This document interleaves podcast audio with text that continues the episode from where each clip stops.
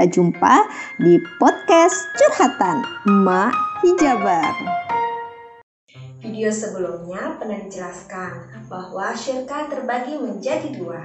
Pertama, syirkah al-amlak atau syirkah al-ain, kepemilikan harta. Kedua, syirkah al-ukut atau syirkah tasarruf, transaksi. Sekarang Mahijabar mau cerita bagian kedua, yaitu syirkah al-ukut. Di dalamnya ada dua pihak, yaitu pihak yang mengajak dan pihak yang diajak.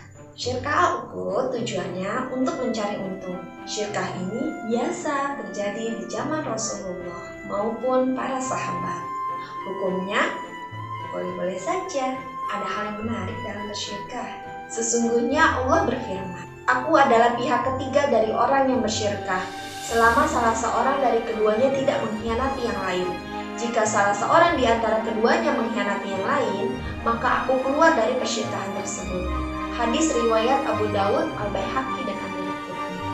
Maksudnya, jika kedua pihak yang bersyirkah, baik yang mengajak ataupun yang diajak, mereka tetap amanah dan komitmen dengan isi akad, Allah akan membimbing, menolong, dan memberkahi perniagaan yang bersyirk. Syaratnya, salah satu tidak ada yang berkhianat.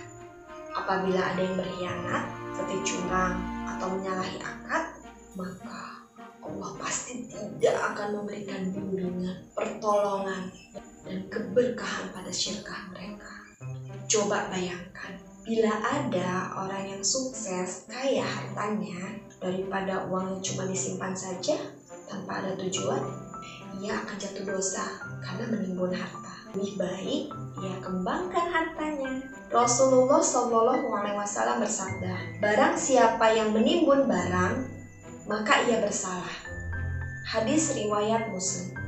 Perlu diingat, jika menabungnya ada tujuan, seperti menabung untuk beli rumah, berhaji, pendidikan, lain-lain, itu sih sah-sah saja. Ingatlah, ketika kita mau bersyirkah, pilihlah muslim yang amanah dan komat. Maka keduanya insya Allah akan mendapatkan keberkahan. Keberkahan didapat dari si dapat mengembangkan usahanya sekaligus membuka banyak lapangan pekerjaan. Keberkahan juga didapat dari si pemodal.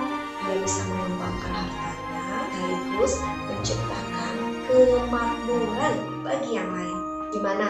Tertarik bersyirkah? Oke, selanjutnya, berapa jumlah orang yang terlibat? Di dalam syirkah ada dua pihak yang berakar. Pihak pertama, orang yang mengajak, ijab.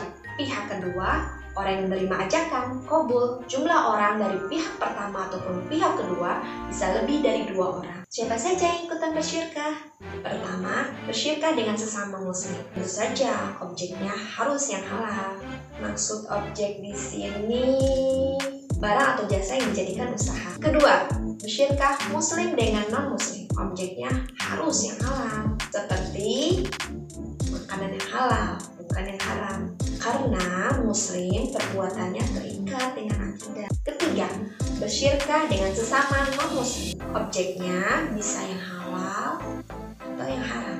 Karena non-muslim berbeda akidah.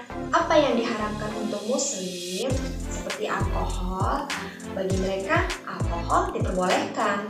Jadi sah saja untuk berdagang minuman keras asalkan itu dilakukan khusus buat sesama non muslim. Keempat, orang yang bersyirkah harus sudah balik. Kelima, pastinya orang tersebut tidak dalam paksaan. Keenam, bukan orang yang tidak diperbolehkan dalam mengelola harta, seperti orang gila.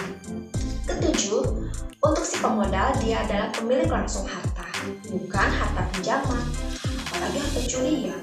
Jika ada pihak pemodal yang berakar, tapi posisinya mewakili pemilik yang asli, itu sih sah-sah saja. Asalkan nama yang dicantumkan tetap nama pemilik yang asli. Contohnya, ada anak kecil yang punya warisan yang banyak dari orang tuanya. Sebagai wali boleh mengelola harta keponakannya. Sebagian harta keponakannya bisa dikembangkan dengan bersyukur tapi paman hanya mewakili saja. Nama yang dicantumkan tetap milik keponakan. Next, kita ijab kabul yuk. Jangan sampai ketinggalan video kelanjutannya. klik subscribe dan tanda loncengnya supaya ada pemberitahuan video berikutnya.